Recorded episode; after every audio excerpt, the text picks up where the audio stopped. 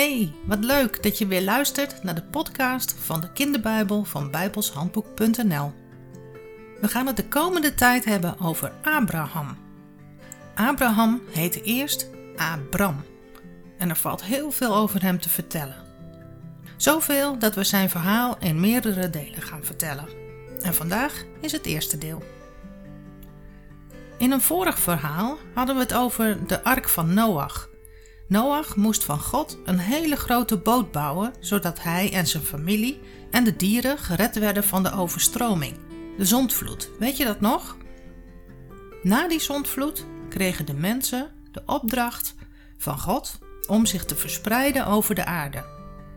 En een van die plaatsen waar de mensen gingen wonen was Ur, Ur der Galdeën. Daar woonde Terach, de vader van Abram en Haran en Nagor. Allemaal familie van Sem en dat was weer de zoon van Noach. Jongen, wat een namen hè? Nou, onthoud maar gewoon de naam Abram, want die is nu belangrijk. Abram woonde met zijn familie in Ur. Hij was getrouwd met Sarai. Sarai was dus zijn vrouw, maar ze was tegelijk ook zijn halfzus, want ze hadden dezelfde vader. Ze waren best wel gelukkig samen, maar ze hadden ook verdriet. Het lukte namelijk niet om kinderen te krijgen. Abraham verhuisde met Sarai en zijn familie naar Haran. Dat was een hele lange reis en toen ze daar aankwamen bleven ze daar een tijd wonen. Ze verzamelden steeds meer dieren en spullen en Abram werd daardoor een rijke man.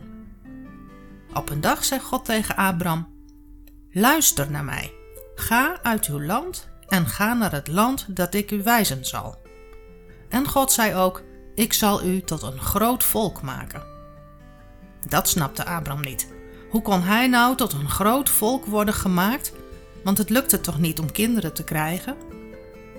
Toch vertrouwde Abram op Gods belofte en hij zei tegen Sarai: Kom, we moeten weg, we gaan op reis.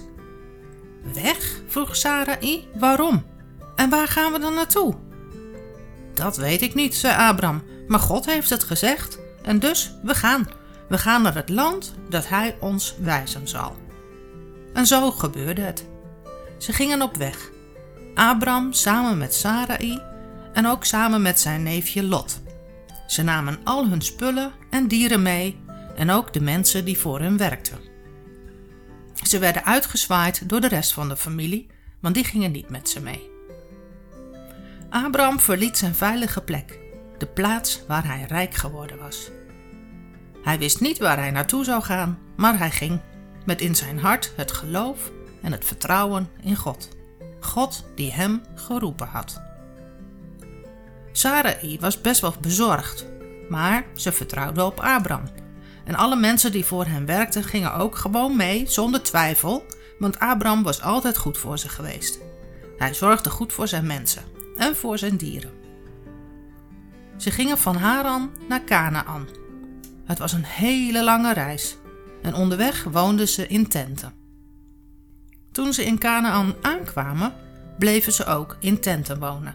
Ze trokken steeds naar een andere plek, zodat ze steeds genoeg te eten en te drinken konden vinden, ook voor de dieren. Ze trokken zo het hele land door. Abram bouwde daar twee keer een altaar voor God om God te prijzen en te danken. Hij was God heel dankbaar voor alles wat hij had gekregen.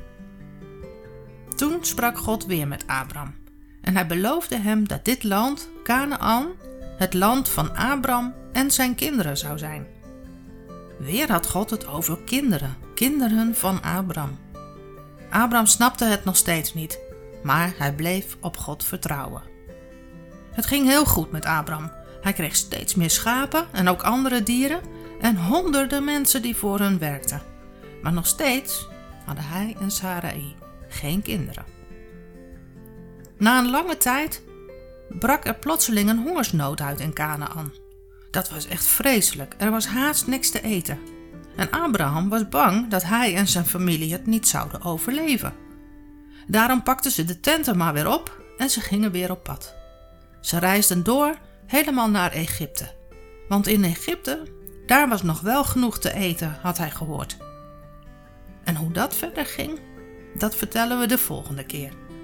Luister je dan ook weer? Tot dan!